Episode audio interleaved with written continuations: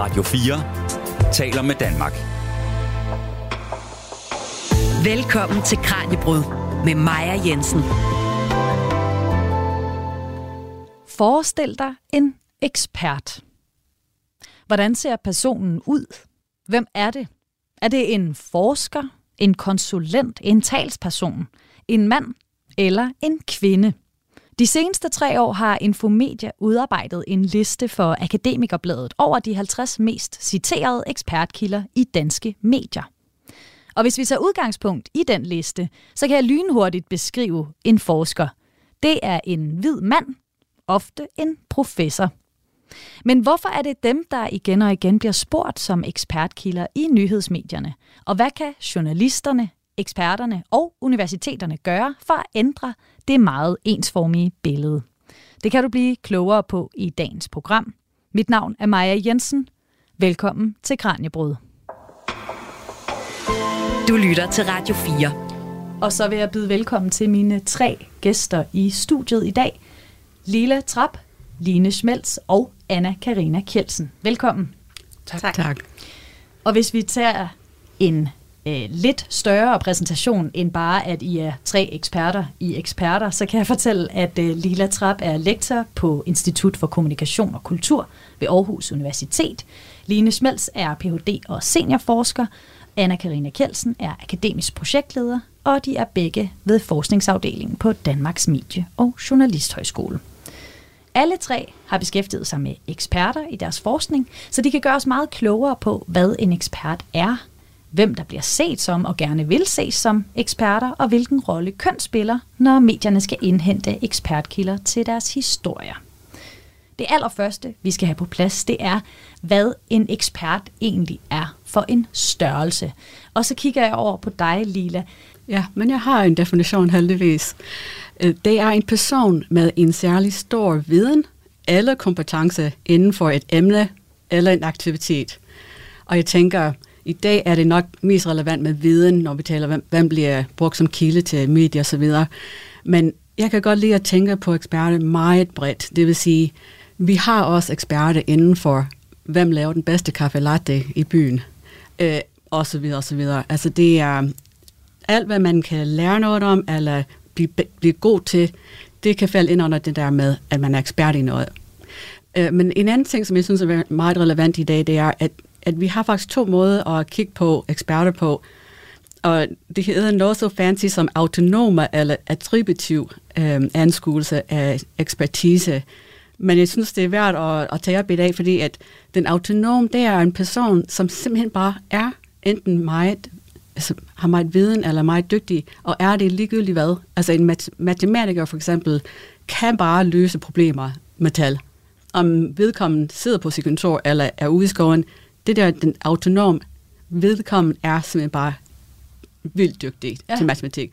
Men den attributive, det er den, jeg tænker, vi kommer lidt mere ind på i dag, fordi vi, til, øh, altså vi tilegner os ekspertise, og vi skal overbevise andre om, at vi er eksperter. Det er en performance. Det er noget, vi skal optræde som eksperter for. Andre også synes, vi er eksperter. Så vi, vi var alle tre meget glade, at du sagde, at vi var eksperter inden for ekspertise, fordi det er noget andre til, altså giver os den rolle som eksperter. Det er ikke noget, vi selv ligesom ja, som på den autonome måde bare mm. har. Når man taler om ordet ekspert, så synes jeg nogle gange, at der kan være en lidt negativ klang ved ordet. Jeg ved ikke, om det er, fordi det er noget, alle kan kalde sig. Øh, det er ikke en beskyttet titel. Men, men, men hvad vil du sige, at almindelige mennesker, som ikke forsker i det, hvad vil deres forståelse af ordet ekspert være? Den helt klassisk, det er så en person, som som har meget viden og er hævet op over alle andre. Men den, den er ved at blive lidt udvandet. Øhm, I min bog har jeg skrevet om alle eksperter, og det er sådan man glint i øjet, men, men for eksempel, der er simpelthen bare så mange, der er eksperter i at investere, og så opretter de en hjemmeside, og så, ja, og, og der er rigtig mange, der er bare blevet eksperter, fordi at det, det lyder godt. Mm. ja, og vi er vant til at ligesom se op til eksperter. Så, så der er gået lidt inflation i det, synes jeg. Ja. Hvad tænker I om det her ord, eksperter? Nu kigger jeg på jer alle sammen. Line, hvad, hvad tænker du om ekspert? Øh, jamen, jeg synes også, det er et rigtig svært øh, begreb at definere, fordi som Lila siger, det er jo lige præcis noget, som andre giver en rollen som. Det, øh, man er jo ikke sådan en rigtig god ekspert, hvis ikke andre synes, man er det. Øh, så det er jo meget ens omgivelser, der bestemmer det, og vi taler jo også om det, når vi sådan selv som forskere, øh, vil vi gerne være forskere eller eksperter. Ja. Øh, og der, man kan sige, forsker, det er jo heller ikke en beskyttet titel ligesom ekspert mm. ikke er det. Men jeg tror nok, vi alligevel har en forestilling om, at hvis vi siger forsker, så er det lidt mere beskyttet, og så kan vi sådan lidt bedre sætte streg under, vi måske er eksperter i et eller andet. Hvad tænker du, anna Karina? Vil du hellere kaldes forsker end ekspert? Øh, ja, og faktisk vil jeg nok helst uh, kaldes PhD, hvis mm. jeg skal, uh, skal vælge noget, fordi det er en beskyttet titel. Mm. så hvis jeg udgiver ja. mig for at være forsker, så kan jeg jo også bare være fremtidsforsker, for eksempel. Og det er jo ikke nødvendigt. Dem er der mange af, som slet ikke har uh, forskningsmæssig uddannelse bag sig. Øh, så, så, så selv forskerordet er også en lille smule uh, sådan under forandring, eller i hvert fald udvandet, eller bliver brugt øh, øh, lidt upræcist, synes ja. jeg. Så hvis vi skal være helt skarpe på, hvad det er, jeg kan, så vil jeg faktisk helst kaldes ved min akademiske titel. Ja. Den her forståelse af ordet ekspert, Lila, hvor vi kan høre, at det, at når det bliver lidt udvandet, når alle kan kalde sig det, så mister det måske lidt sin værdi. Altså har, har synet på det her ord, ekspert, men også ekspertrollen, forandret sig gennem tiden? Det gør det hele tiden, faktisk. Og det har, det har mm, noget at gøre med, eller meget at gøre med, hvorvidt vi ligesom synes, vi har brug for eksperter. Fordi altså, en ting, som at nogle eksperter kan gøre, det, det er, at de kan hjælpe os, enten med at forstå, eller træffe beslutninger, eller også, altså, de kan hjælpe bidrage.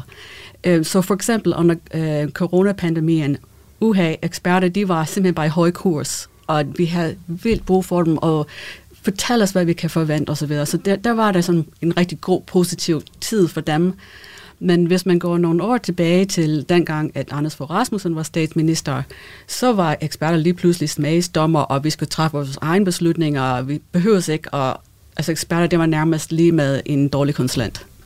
Så det er mange ting, der spiller ind, men det går op og ned, og, og øhm, ja, så det kommer an på, hvad, hvor, hvor vi ligesom er Ja, men vil, vil du generelt sige, at i dag så får man tildelt ekspertrollen? Det er ikke noget, man...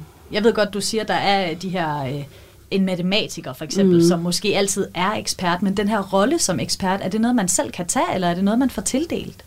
Det er, altså... Mm, det er begge dele. Mm. Øhm, fordi de som jeg siger, det er de to forskellige måder at anskue ekspertise på, og, og de er begge to i spil. Så altså for eksempel Lina og mig, vi har været til konference sammen, og vi skal selvfølgelig have en viden og en ekspertise for at være med til den konference. Men vores ekspertise bliver endnu mere, hvad skal man sige, troværdig, eller andre vil tildele os ekspertise, hvis vi har en rigtig fin præsentation, og vi gør det der, altså vi stiller nogle skarpe spørgsmål, og du ved, vi, vi, vi spiller rollen, vi performer øhm, den rolle. Så det er, er altså begge dele. Mm. Men det kræver altså en ordentlig bunke viden, erfaring og ekspertise at blive ekspert, og at blive anset som ekspert, ikke mindst. Og nu skal vi tale lidt mere om, hvem der bliver set som eksperter, og hvorfor det kan være en fordel at få eksperthatten på, i stedet for for eksempel at blive set som talsperson, når man er i medierne. Du lytter til Kranjebrud på Radio 4. Og i Kranjebrud i dag, der har jeg besøg af tre eksperter i ekspertise. Tre forskere, der har beskæftiget sig med eksperter og hvem der bliver set som eksperter. Det er anna Karina Kjeldsen og Line Schmelz fra Danmarks Medie- og Journalisthøjskole og Lila Trap fra Aarhus Universitet. Lila, noget af det, du har beskæftiget dig med i din forskning, det er, hvem der kalder sig eksperter, og hvem der bliver kaldt eksperter – og du siger, at man kan se et skifte i synet på, hvem der profilerer sig og bliver opfattet som eksperter. Hvordan kommer det til udtryk? Ja, jeg har lavet et øh, forskningsprojekt sammen med en kollega, Bo Lausen, som, øh, hvor vi kigger på mediets brug af, af forskellige kilder, øh, hvor de bliver brugt som eksperter, og vi har simpelthen bare kigget på, jamen, hvad er deres baggrund? Og vi har kigget på, hvem er uafhængige forskere, for eksempel fra et universitet, hvem er egentlig person fra en interesseorganisation, og hvem er fra en tænke, øhm, hvad hedder det, tænke, Tænketank. tank, ja. Øh, for at lige at se, hvem bliver brugt, og, men også hvordan de bliver, de bliver brugt.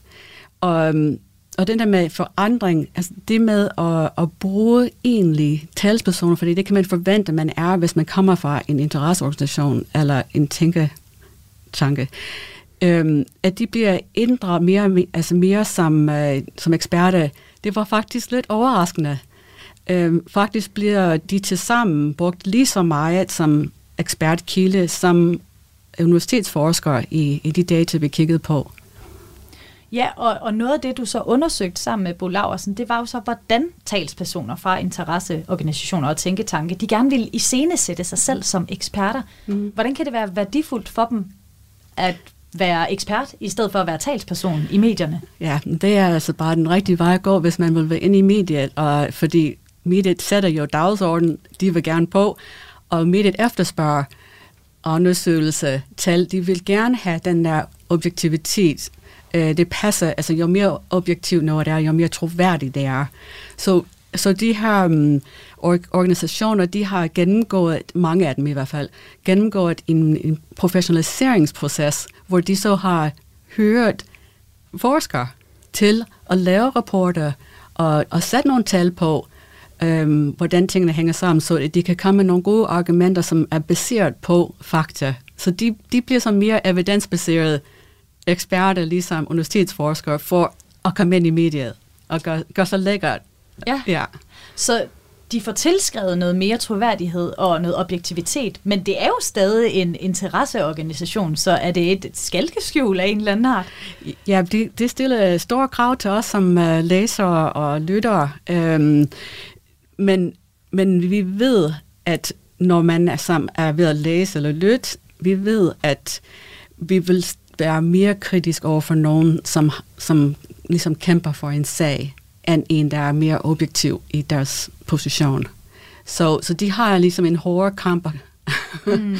alligevel uh, i kraft af deres uh, tilknytning til en interesseorganisation eller tænketank. Også selvom at de bliver beskrevet som eksperter. Lige præcis. Ja. Og noget andet, jeg synes, der var ret interessant, det var, hvem af, af, af eksperttyperne, der henviste henholdsvis mest og mindst til egne undersøgelser og forskning. Fordi det er faktisk forskerne, der henviser mindst til deres ja. egen forskning. Det er rigtigt, og det hænger sammen med det, som vi siger, tænketanker og interesseorganisationer, de, de, de har en hård kamp for at overbevise øh, medier, men også læsere og lyttere om, at de er øh, forskere eller hvad skal, eksperter, så de henviser til deres rapporter og deres studier og deres øhm, spørgeskemaer og undersøgelser, og de, de gør det for at, at få den der, hvad hedder det, øhm, troværdighed, hvorimod øh, forskere, det er ligesom, det er en del af deres, altså, de ved, at, at, øh, at det er større sandsynlighed for, at folk vil synes, at de har en, en vis objektivitet,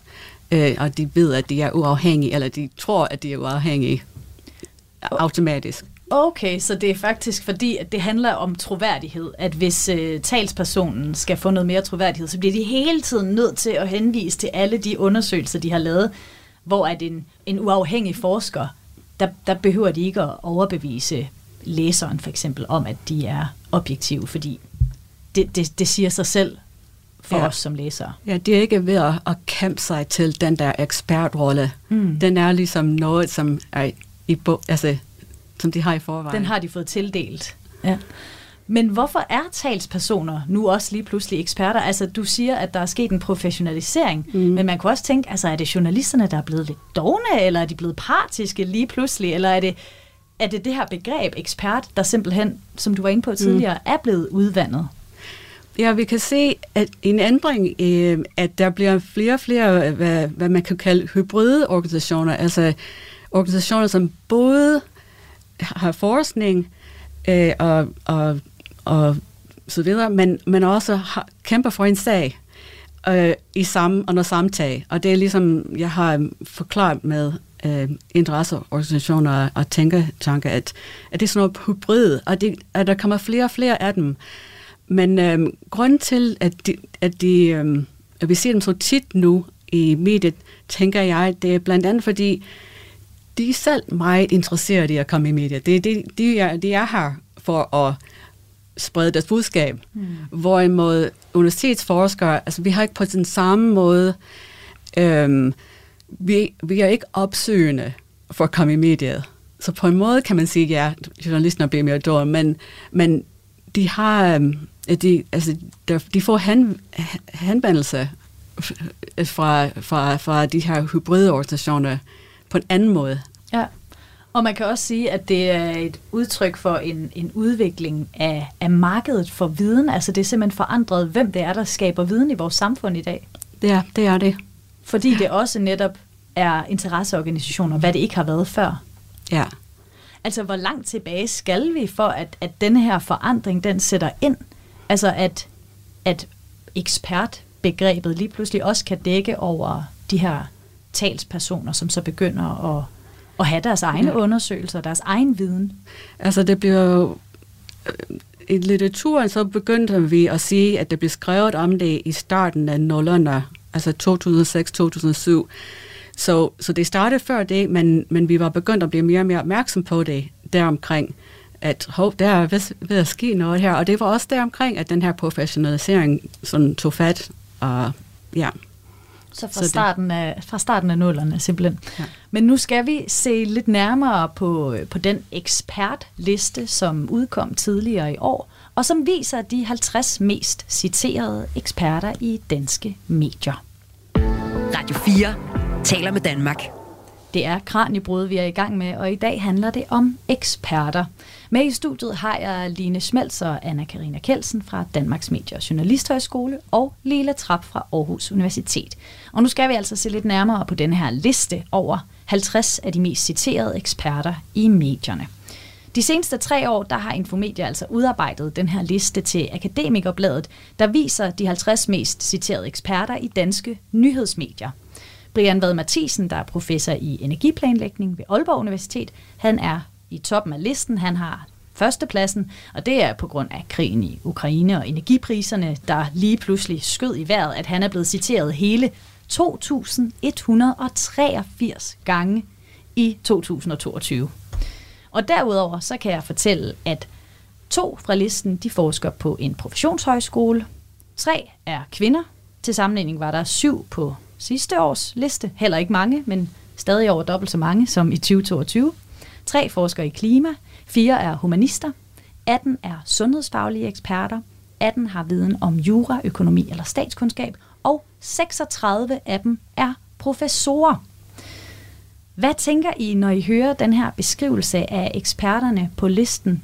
Anna-Karina, vil du starte? Jamen, øh, jeg tænker jo, at det er det er lidt ærgerligt, først og fremmest. Ja. Øh, og så sukker jeg lidt dybt, fordi det er nok ikke så overraskende. Øh, som du selv siger, så, øh, så er tallet faldende. Øh, året før igen, altså i 2020, der havde vi ni kvinder på den liste, så det er sådan en længere tendens faktisk, hvis ja. man kigger på det. Øhm, og det samme gør sig gældende, hvis vi kigger på sådan andre globale tal for, for hvor, hvor ofte kvinder optræder som eksperter, der er det faktisk også et faldende tal. Øh, hvis det lige præcis er den del, vi kigger på, nemlig mm. at der er ret få kvinder på den liste. Og det er det, der springer mig mest i øjnene, fordi det er det, jeg, øh, jeg arbejder med lige i øjeblikket. Ja. Line, hvad tænker du? Jamen, det er jo meget det samme. Altså, det er jo slående, at der er så få kvinder øh, repræsenteret på listen. Det er sørme ikke mange, og man kan jo godt være lidt bekymret for, jamen, hvad er det så for nogle udlægninger af verden, vi får, øh, hvis der er så stor øh, forskel på, hvordan kønnene er repræsenteret, fordi vi ser jo verden forskelligt. Ja. Bliver der lavet sådan nogle undersøgelser her, altså top 50, top 100 lister i andre lande, hvor man kan se, at det står lige så... Øh, øh, gralt til, altså at forskellen er lige så stor som i Danmark? Mm, ja, altså der bliver i hvert fald lavet lister eller undersøgelser af, øh, hvordan øh, henholdsvis mænd og kvinder optræder i medierne internationalt. Øh, og der, kan, der bliver der også set på, øh, hvor ofte mænd og kvinder optræder som, som ekspertkilder. Øh, og der har vi de samme, samme tendenser, altså at, at kvinder optræder øh, langt mindre øh, end mænd gør, øh, øh, og at, øh, at, at mænd simpelthen øh, i, på alle, alle ekspertområder dominerer. Ja. Øhm, den seneste undersøgelse af dem, som, øh, som er kommet fra dansk, med de danske tal, der var det 25 procent af ekspertkilderne, øh, der, var, der var kvinder øh, overhovedet. Mm. Øhm, ja, og så er den anden ting, man måske kan sige, det er, at det er måske heller ikke så overraskende, øh, når du nu lige nævner det her med, hvad det er, folk er eksperter i. Altså, når hvis vi ser tilbage på det år, så er noget af de, øh, nogle af de emner, som, som de her øh, mange mandlige eksperter er eksperter i, er jo lige præcis krig og økonomi og politik og energi og sådan noget, som vi også ved fra de selv samme undersøgelser, øh, at det er områder, hvor mænd øh, ofte de, øh, dominerer mere altså, øh, altså er særligt fremtrædende også som eksperter. Ja. Altså noget andet, der virkelig også står ud for mig, det er, at næsten tre fjerdedele af dem, der står på den her liste, er professorer. Lila, hvad tænker du om det, at, det er, at de fylder så meget på den her liste? Jeg tænker, at det, det, det afspejler lidt den hierarki, vi har på, altså inden for universiteterne. Ja. At øh, så snart man er professor, så ja, apropos det med, at det, det er noget andre, altså ekspertise, det andre, det giver. Øh, den, den, den er, altså universitetsverdenen er rimelig hierarkiske, må jeg sige. Hmm. Ja, hvad siger det om med? Ja, undskyld lige. Jamen, jeg tænker også, der er også meget i, hvordan øh, universitetsverdenen bliver set udefra. Ja. er jo også afspejlet tydeligt i det her, hvor man som udgangspunkt går ud fra, at professoren er den, der ved mest. Mm-hmm. Øh, og det er bare ikke altid sådan, at professoren er den, der ved mest om alting. Der kan sagtens sidde nogle dygtige adjunkter, lektorer, postdokker, som arbejder meget mere specifikt med det emne, øh, man gerne vil have en ekspert i men det er som regel professoren, man finder frem til, og der er bare flest mandlige professorer. Mm-hmm. Og så det siger altså også en del om mediernes måde at udvikle grad, de her eksperter ja. på. Men Anna-Karina, det er også noget med, at øh, det ikke er alle, der kommer på denne her liste, fordi metoden, som Infomedia de har brugt, den ikke er helt øh, finmasket nok, kan man sige. Ja, det taler jo meget ind i noget af det, som Lila øh, talte om før. Altså det, den her liste er jo lavet af Infomedia, men for danske magister og ak- akademikere øh, bladet, og det er jo deres sådan interessepublikum, ikke? Og derfor er de jo måske også øh, lidt mere sådan øh, traditionelle eller snævre i deres forståelse af, hvem en ekspert er, så de har øh, renset den her liste for, for, for dem, vi kunne kalde private øh, eksperter, øh, og dermed altså også de her eksperter, som er talspersoner, er i tænketanke og så videre. Så det er øh, akademiske forskertitler, der er søgt på, i øvrigt også ordet ekspert, og så har de så også søgt på, øh, eller undersøgt, eller fundet frem til, til den her liste ved at se på, hvad det er for nogle øh, verber, der står rundt om de her, øh, eller tæt på de her kildenavne, øh, som markerer noget om, hvad, hvad det er, de har gang i, når de taler, altså om de vurderer, forklarer og understreger osv. Så, videre. øh, så det er sådan, de er kommet frem til det. Og det vil sige, at vi har ikke hele den her øh, meget store del af eksperter, som er uden for øh, sådan grov forstand universiteternes øh, øh, rammer. Øh, ja, de mangler, og dem ved vi fra andre undersøgelser, at de fylder rigtig meget øh, op mod halvdelen af de eksperter, der optræder i medierne. Ja, som vi har talt om, så er noget af det mest slående ved den her liste, at der kun er tre kvinder på den. Men hvordan kan det være, at køn betyder så meget for, om man bliver brugt meget eller lidt som ekspertkilde i medierne? Det ser vi nærmere på nu. Du lytter til Radio 4. Vi er i fuld gang med Kranjebrud, Radio 4's daglige videnskabsprogram, og i dag ser vi nærmere på ekspertbegrebet og hvem der får tildelt rollen som ekspert i medierne. Mine gæster i dag er lektor Lila Trap fra Aarhus Universitet og Anna Karina Kjeldsen og Line Smels, der er forskere ved Danmarks Medie- og Journalisthøjskole. Line og Anna Karina, lidt apropos den her top 50 liste, som vi talte om lige før, så er I i gang med at undersøge, hvordan køn spiller ind i forhold til ekspertrollen i medier. Hvad er det mere konkret, jeres øh, projekt går ud på? Anna Karina? Ja, altså vi, øh, vi er faktisk en gruppe, som øh, i øvrigt apropos lige nu består af to slags eksperter, kunne man sige. vi er to forskere, Lina og jeg, øh, og så har vi to, så har vi to øh, meget øh, erfarne tidligere mediechefer, som har, er, gået, er sammen i det her projekt om at prøve at sætte fokus på, hvordan der kan skabes mere lige, øh, ligeværd og ligestilling øh, i nyhedsmedierne. Øhm, og, og det vi ser på er både øh, outputtet, altså hvem er det, der er, er er i avisen, hvem, hvem hører vi sige noget, øh, når, vi, når vi åbner for vores, for vores fjernsyn om aftenen, men også hvem er det, der producerer nyhederne, altså hvordan, hvordan ser det ud i medieorganisationerne.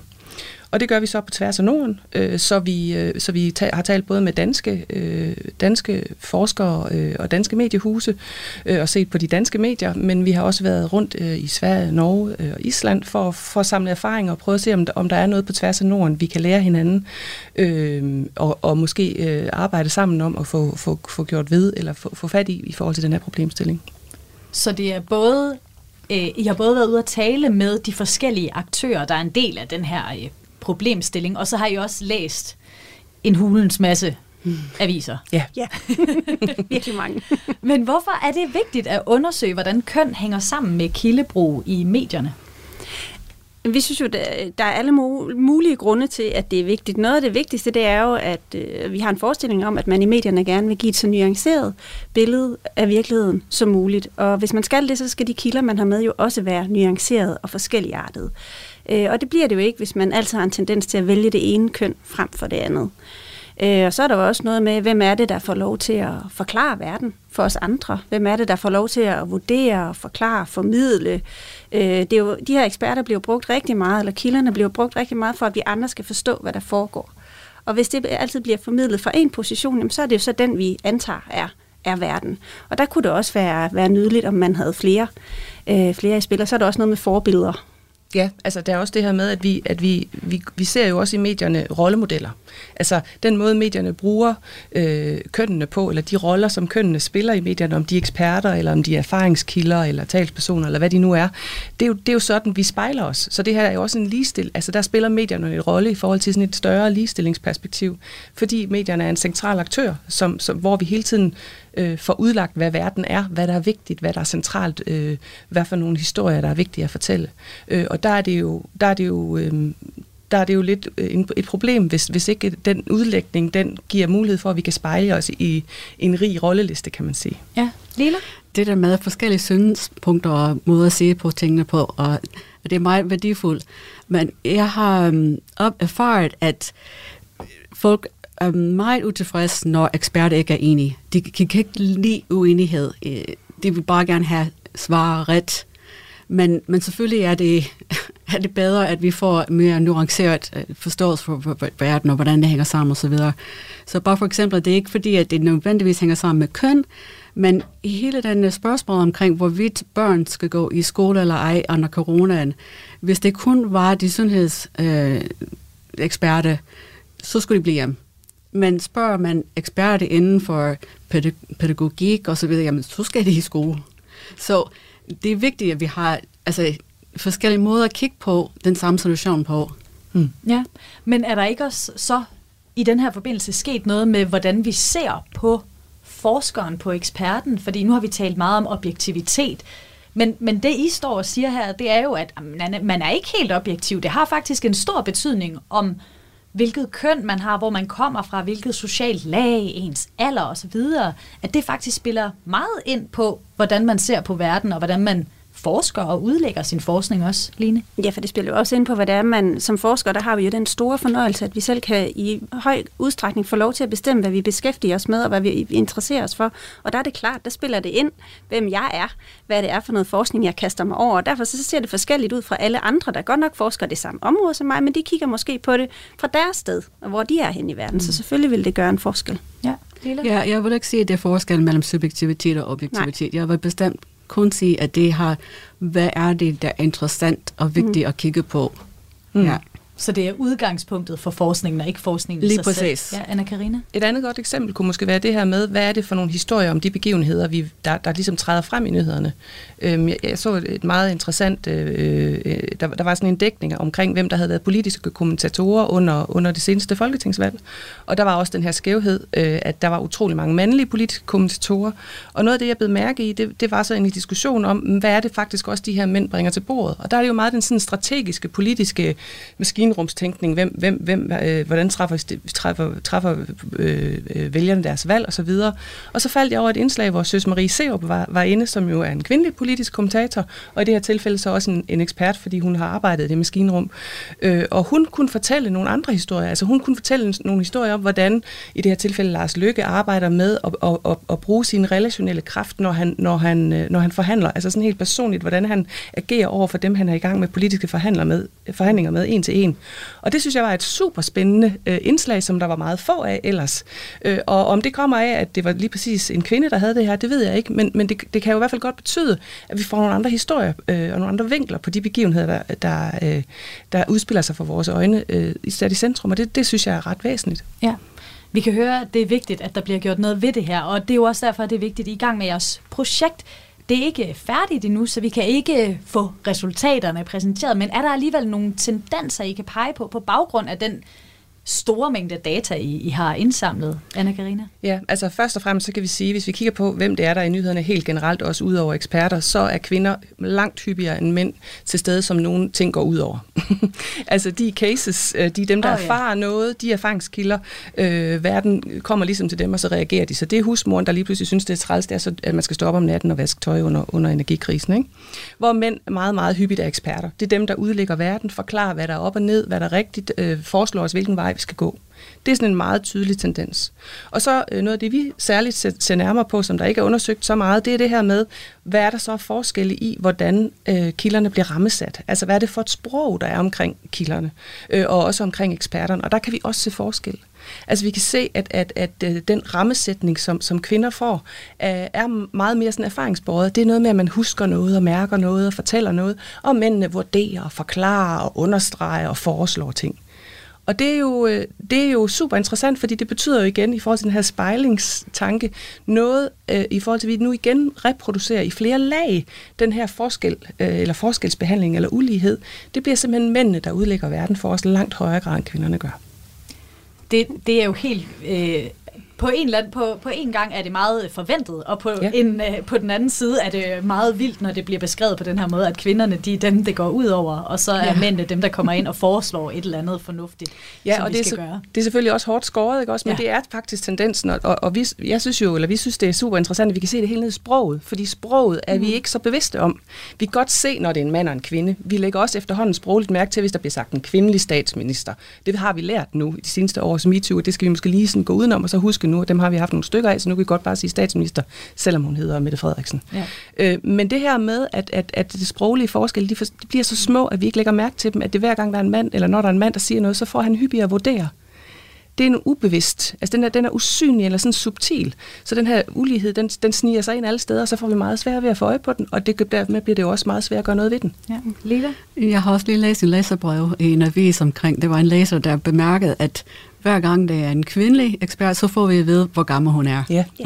det er også en klassiker. og, ja. og det vil sige, at jeg er rigtig glad for, at jeg ikke bliver præsenteret i dag med min alder. ja, Line?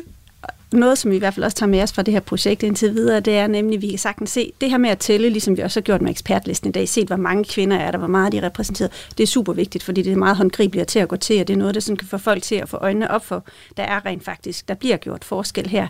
Men, men udover det, så synes vi også, som det er en griner ind på, det er ikke bare hvor mange, det er også hvordan. Altså det er enormt vigtigt, at vi også får samtalen derhen. At vi ikke nøjes med at tælle og sige, så er det nok, at nu får vi antallet af kvindelige ja. kilder eller eksperter op. Vi skal også til at, at tale om, hvordan de ja. så kommer i spil. I Hvad med hvorfor? Er det også noget, I beskæftiger jer med i projektet? Altså hvorfor der er så få kvinder, når I taler med de forskellige, øh, ja, forskellige aktører? Ja, altså vi, vi, vi spørger jo selvfølgelig øh, ude i de mediehuse, hvor vi har fået lov at komme med inden for dørene og sidde med ved bordene, så spørger vi jo helt åbent, hvordan kan det være? Øh, og der er, der er mange forklaringer på, hvordan det kan være. Som oftest, så er den første forklaring, vi møder, det er, at der er simpelthen bare flere mandlige eksperter, end der er kvindelige eksperter. og, og det passer altså ikke. der er selvfølgelig områder, der vil være domineret af det ene eller det andet køn, men generelt set så nej. Og, og når vi kigger på tallene på, hvor mange eksperter, øh, sådan, hvis vi siger, hvem er det, der er forsker inden for området, hvor mange kvinder er der der, så er det altså ikke den samme andel, vi ser afspejlet som eksperter. Så det er sådan den første forklaring. Det er den der med, at der er simpelthen ikke kvinder, der er eksperter i det her felt. Nej. Og så er der en anden, som handler om, at man gerne vil vælge den bedste kilde. Og det hænger måske lidt sammen med det der med professoren. Ja. Øh, altså, hvor, hvor, hvor man, når vi så spørger ind til, hvad er den, hvad er den bedste kilde? Øh, jamen, det er selvfølgelig den mest kompetente, og det må jo være så professoren, fordi professoren har flest stjerner på skulderen. Øh, men når vi sådan graver lidt i, hvem den bedste kilde er, så viser det sig også, at den bedste kilde måske også er den, der stiller op, og den, der siger hurtigt ja. Den, man kender allerede, den, man måske endda har på speed dial i sin telefon. Øh, og øh, det er øh, oftere mænd end kvinder, kunne noget tyde på, øh, fordi det er allerede dem, der er altså de kendte kilder. Og det kan vi jo også se i den her ekspertlinje, eller ekspertliste, du, du startede med at introducere, at 33 af de 50, det er nogen, der har været på listen før. Øh, så hvis vi skal lave forandring på det her, så skal vi have, så skal vi have tid til, eller journalisterne skal have tid til at gå ud og opdyrke et nyt kildegrundlag. Øh, fordi det er, ikke, det er ikke dem, de kender i forvejen. Det er ikke, det er, det er, der er overvægten stadigvæk mænd og en sidste ting, som vi kan se, det er jo så, når vi så er kommet så langt som til at blive enige om rundt om bordet her, at nu skal vi hos journalist, på journalistsiden, øh, at nu skal vi gøre noget ved det her, øh, så, så møder vi alligevel altid sådan et udsagn, der hedder, jamen jeg kommer aldrig til at vælge en kilde til, fordi, bare fordi det er en kvinde øh, hvis vi nu taler om, at det, man kunne tænke sig at gøre noget ved det her. Øh, og det handler måske lidt om den journalistiske sådan, professionsforståelse eller selvforståelse. At man skal, være, man skal være upartisk, man skal være objektiv, man skal være skarp på at få, få udleveret, eller få, få, få afspejlet verden så, så øh, færre og balanceret som muligt. Så hvis man pludselig begynder at, at søge kilder ud efter køn her, så gør man ikke det mere. Så bliver man måske endda aktivistisk, og det, det kan man ikke lide i nyhedsmedierne. Det har der været ret meget palaver omkring den nye øh, chef for P3, som, mm. som, som har en aktivistisk, ja. synes man, baggrund, så hun ja. er jo allerede allerede mødt kritik. Mm-hmm. Øhm, og der kan vi jo sige, jamen måske er det faktisk sådan, at journalisterne allerede i dag vælger mænd til som kilder, bare fordi de er mænd. Det er de bare ikke klar over. Men det er bare ikke et aktivt valg. Det er nej, noget, der det er en ligesom ubevidsthed, men når man så siger, vil du gøre det bevidst? Nej, det vil jeg selvfølgelig ikke. Og det er jo klart, man ikke vil det, men ved man faktisk nu som journalist, at det gør man ikke allerede bare med mænd. Ja. Lila? Ja, og det er der, hvor jeg siger, den der attributiv forståelse for eksperter kommer ind. Præcis. Fordi en ekspert er en mand med mm-hmm. jakkesæt. Det, Ja.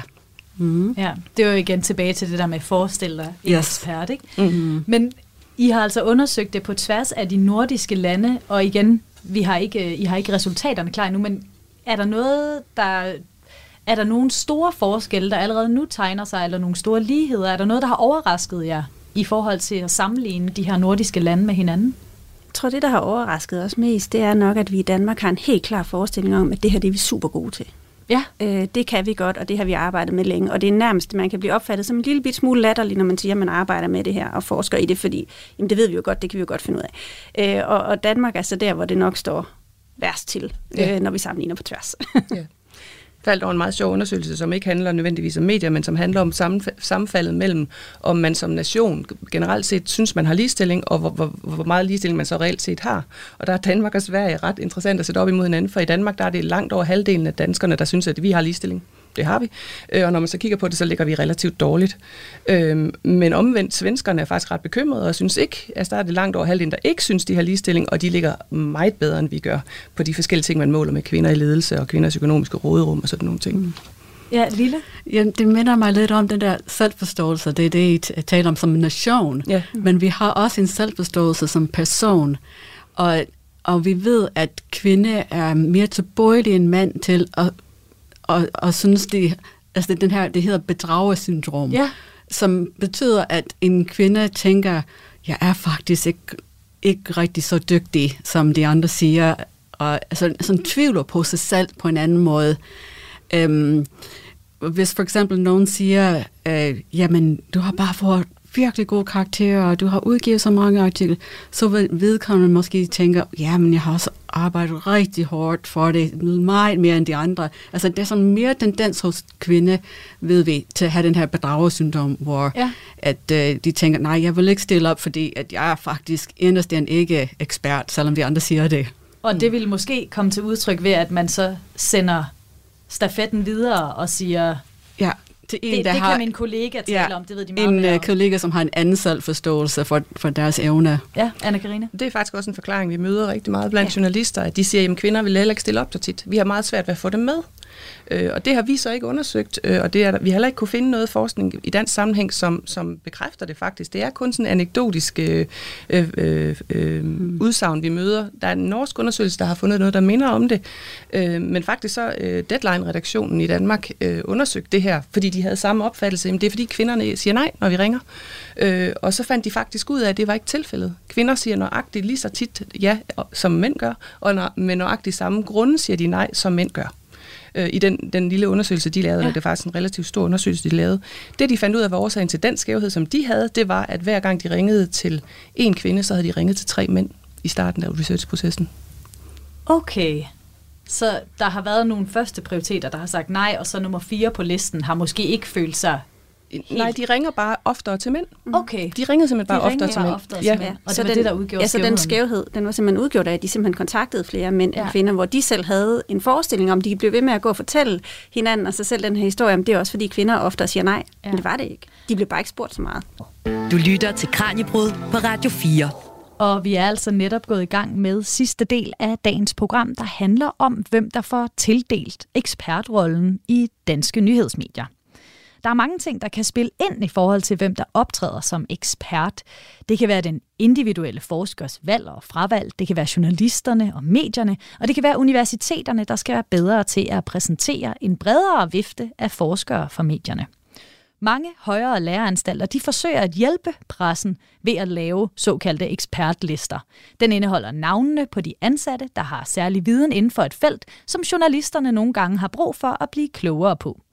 Det sundhedsvidenskabelige fakultet Health på Aarhus Universitet analyserede deres ekspertliste for halvandet år siden, og det viste en markant skævhed, fortæller dekan Anne Mette Vass. Det vi så, det var, at hovedparten af de øh, eksperter, som vi havde på den såkaldte ekspertliste på det sundhedsvidenskabelige fakultet Health, det var mænd. Og øh, det vi så tænkte, det var, at det kan ikke passe, at der kun er øh, hovedsageligt mandlige eksperter. Så derfor så gjorde vores øh, kommunikationsafdeling øh, det, at de begyndte at spørge efter øh, kvindelige eksperter. Hvis de talte med en mand, så spurgte de, er der en anden ekspert, en kvinde ved siden af dig, som vi kan kontakte.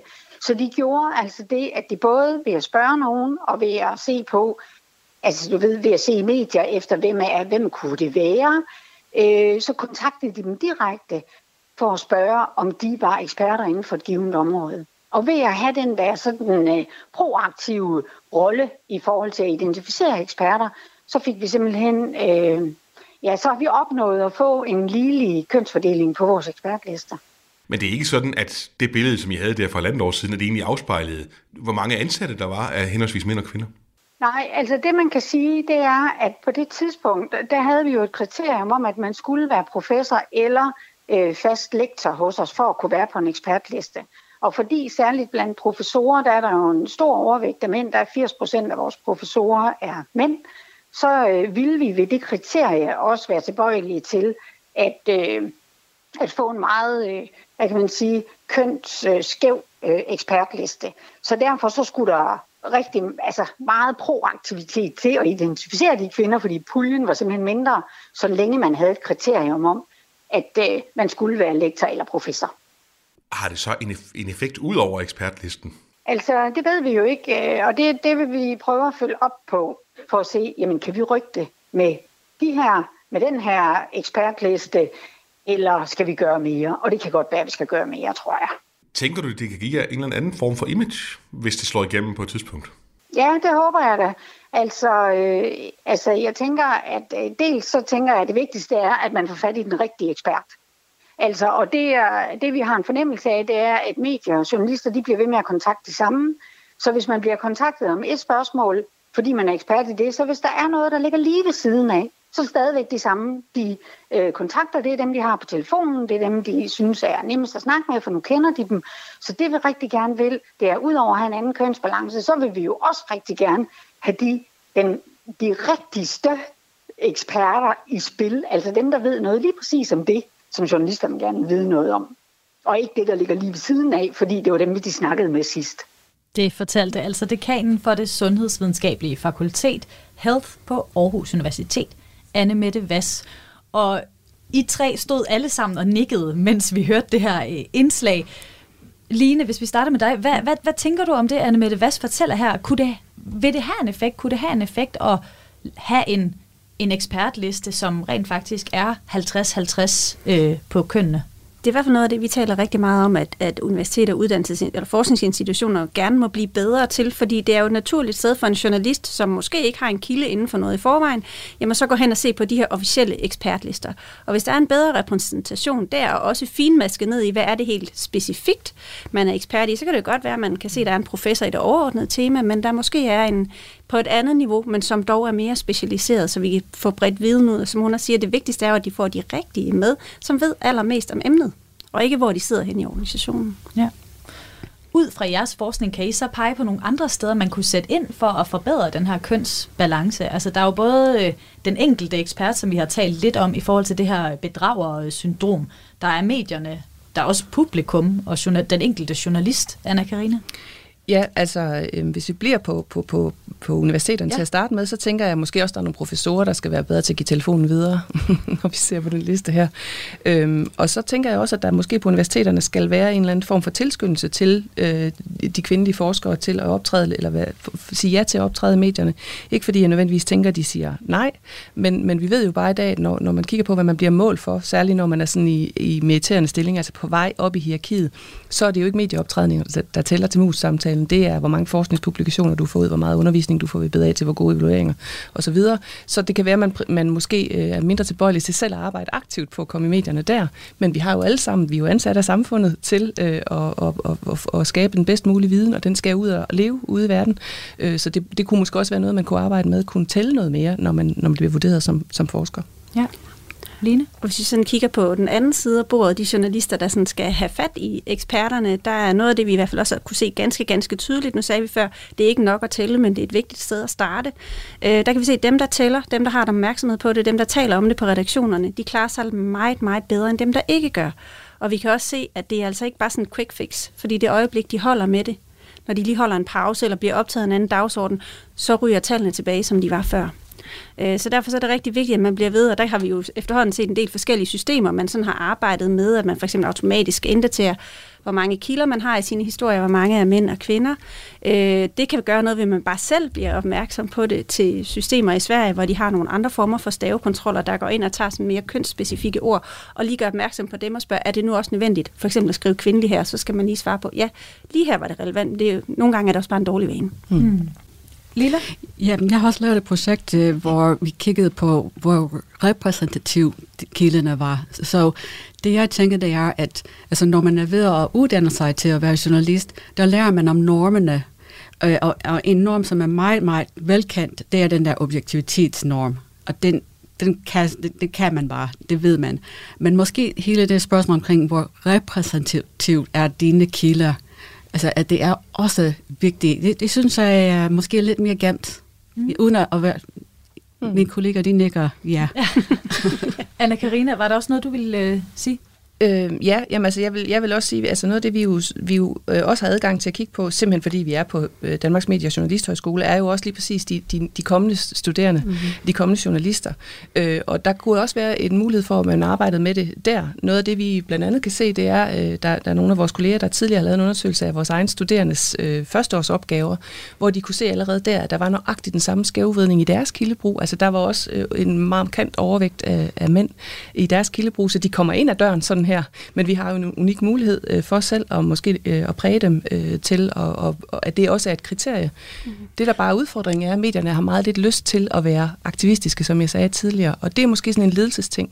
Altså, at man skal som, som ledelse virkelig sætte fokus på det her, sådan at alle de der andre ting, der kommer ind og forstyrrer, øh, nogle gange bliver der brugt sådan et begreb, som hedder ligestillingsvigepligt. Altså vi synes alle sammen, det er vigtigt, at der er lige repræsentation, og, og, og at, at vi har lige muligheder i verden. Men så kommer der lige en krig, og så kommer der lige et folketingsvalg, og så kommer der lige en energikrise, og kommer der lige corona. Og på, på, en, på en journalistisk redaktion, der er tid og travlhed jo sådan en, en fuldstændig basisbetingelse. Så alle de her fine hensyn, de ryger, de ryger baglæns i køen. Hvis ikke der sidder en ledelse, som simpelthen prioriterer det her, måler medarbejderne, redaktionerne, succesen på, er vi, har vi en lille repræsentation? Har alle mulighed for øh, at komme til ord hos os, eller dem, vi synes er vigtige? Er det de rigtige eksperter, eller er det bare dem, vi kender? Ja.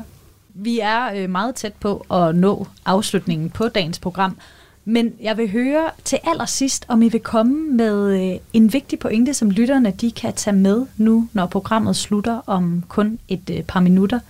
Lela, hvis vi starter med dig. Ja, men jeg vil sige, at uh, ud fra det, jeg siger med hensyn til, at det, kan være, det bliver sværere og sværere at, at ligesom øh, kende den der forskel mellem den, den neutral, objektiv øh, forsker og, og så en, der har øh, en dagsorden ved, ved kilden. Jeg, jeg vil bare sige, forbruger af medier skal være endnu mere skarp til at være kritisk. Vi ved alle sammen, at man skal være kritisk over for kilden osv., men endnu mere, det bliver øh, vigtigere mm. øh, nu om dagen. Ja. Line? Jamen, jeg synes jo, at øh, noget af det, som vi i hvert fald er rigtig optaget af, det er, at vi har et kæmpe ansvar her. Vi har et meget stort, medierne har et stort ansvar, men vi har også som forskningsinstitution, uddannelsesinstitution, især et ansvar for at gå ind i det her, også selvom man kan blive mødt med den her med, når vi nu kigger på køn, som vi gør, at det er sådan lidt en gammeldags diskussion, men det er rigtig væsentligt, at vi bliver ved med at, at tale om det. Ja. Hmm, ja, jeg tænker, lytterne skal, kunne, man jo, kunne man jo spørge, om ikke de kunne have lyst til selv at holde øje i deres nyhedsmedier det næste stykke tid. Lave en hurtig optælling, når de står ved avisstanden i, i deres lokale supermarked, og se, hvordan det ser ud på forsiden. Som regel så afspejler det rigtig fint, hvad der foregår på, på, på indersiden af avisen. Jeg har haft besøg af Anna-Karina Kjeldsen, Ph.D. og akademisk projektleder, Line Smels, Ph.D. og seniorforsker, begge ved forskningsafdelingen på Danmarks Medie- og Journalisthøjskole, og Lila Trap, lektor på Institut for Kommunikation og Kultur ved Aarhus Universitet. Kranjebrød er produceret af Videnslyd for Radio 4. Mit navn er Maja Jensen. Tak fordi du lyttede med.